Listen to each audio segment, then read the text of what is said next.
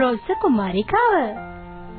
එක්තරා ඈත අතීතයේ බලවත් රාජධානියක් තිබුණා. මේ රාජධානිය පිහිටලා තිබුණේ විශාල රූස්ස ගස්වැල් වලින් වටවෙච්ච ලස්සන පරිසරයක. මේ රාජධානියේ රජතුමාට ලස්සන දූ කුමාරිකාවක් හිටියා. මේ රාජකුමරිය පුංචි කාලේ ඉඳලා හරිම ආස කළා රෝස පාටට. ඒ නිසා රජතුමා ඇයට අවශ්‍ය හැමදේම රෝස පාටින් සකස් කරලා දෙන්න කටයුතු කළා. ඒ වගේම රෝස මල් වවලා ලස්සන වත්තකුත් ඇයට තෑගි කළා. ඒ වගේම රාජකුමරිය ඉතාමත් රූමත්. ඇය හැමදාම මැන්දේ රෝස පාට ඇඳුම්. රෝස පාටට තිබුණු කැමැත්ත නිසාම හැමෝම ඇයට රෝස කුමරිය කියලා කතා කළා. ඉතින් ඇය ප්‍රසිද්ධ වුණේ රෝස කුමරිය කියලා. රෝස කුමරිය ගොඩක්ම කැමති කාටවත් කරදරයක් නොවි නිදහසේ කාලය ගත කරන්න.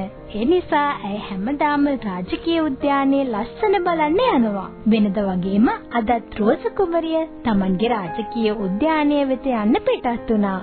ඒ වගේම මේ රාජධානියේ ඉන්නව නපුරු මායාකාරියක්. මේ මායාකාරිය බලගත්තු මායා ප්‍රගුණ කරලා හිටපු කෙනෙක්. ඔන්න එදා රාජකීය උද්‍යානයට යමින් හිටපු මේ රෝස කුමරිය දැකපු නපුරු මායාකාරියට තරහක් ඊර්ෂ්‍යාවක් ඇති වෙනවා. රෝස කුමරියගේ අපූර්ව සුන්දරත්වය දැකපු මේ මායාකාරියට ඒ තරහ ඉවස ගන්න බැරි වෙනවා. ඇය හරිම තරහෙන් රෝස කුමරිය පසුපස යනවා. රෝස කුමරිය උද්‍යානයේ තිබුණ පුංචි ලස්සන දිය ඇල්ල ළඟට ආවා. ඇය හරිම සතුටින් කාලය ගත කළා. ඒ වගේම මායාකාරියත් ඇය පසුපසම ආවා.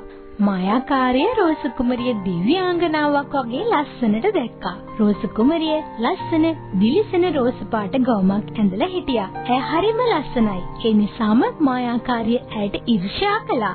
නපුරු මායාකාරියගේ තරහව ඊර්ෂ්‍යාව දරා ගන්න බැරි වෙලා නපුරු මායාකාරිය රෝස කුමරියව හංසෙක් බවට පත් කළා. රෝස කුමරියට මේ වෙන දේ හිතා ගන්නවත් බැරි වුණා. ඇය හරිම බයෙන් නපුරු මායාකාරියගෙන් එසේ නොකරන ලෙස ඉල්ලා සිටියා. ඒත් නපුරු මායාකාරියගේ තරහ නිසාම රෝස කුමරිය හංසෙක් බවට පත් කළා. ලස්සන රෝස කුමරිය සුදු පාට හංසෙක් බවට පත් කරපු මේ නපුරු මායාකාරිය මා හයියෙන් සතුටටපත් වුණා.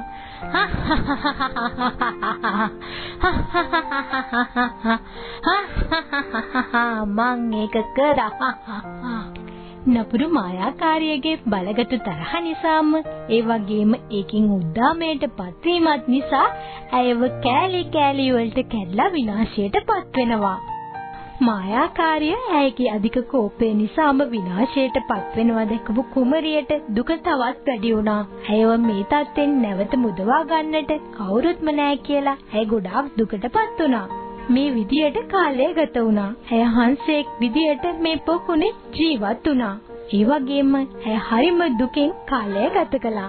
මේ විදියට කාලය ගත වෙලා ගියා. ඔන්න දවසක් මේ රාජධානියේ හිටපු සුරංගන රැජින මේ දිය ඇල්ල ළඟින් ගමනක් යමින් හිටියා. මේ සුරංගන රැජින දකිනවා මේ පොකුණේ වෙනද නොදකපු ලස්සන හංසෙක් ඉන්න බව. සුරංගන රැජින මොහොතක් නැවතිලා මේ විශේෂ හංසයා දිහා බලාගෙන ඉන්නවා. ඇය දකිනවා මේ හංසයා බොහොම දුකින් කාලය ගත කරන වග. ඒ වගේම මේ හංසයා මේ පොකුණේ ඉන්න කිසිම මාළුවෙක් ආහාරයට ගන්නෙ නැහැ. මාළුවෝ හැමෝමත් හරිම සතුටින් හංසය ගාවෙන් එහෙට මෙහෙට පීනමින් හිටියා. මේ සිදුවීම දැකපු සුරංගන රැජින මෙතන කුමක් හෝ සිදු වෙලා තියෙනවා කියලා දැනගත්තා.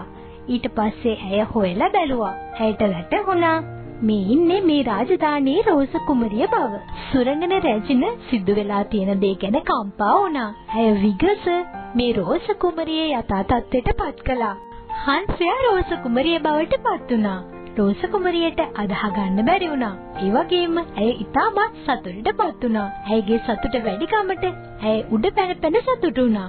ඒ වගේම සුරංගනාවියට ඇය බෙහෙවින්ම ස්තුති කළා. ඒ වගේම සුරංගන රැජින රෝස කුමරියට කිව්වා රෝස කුමරිය ගාව තියෙන යහපත් ගතිගුණ හැමදාම පවත්වගෙන සතුටින් කාලය ගත කරන්න කියලා.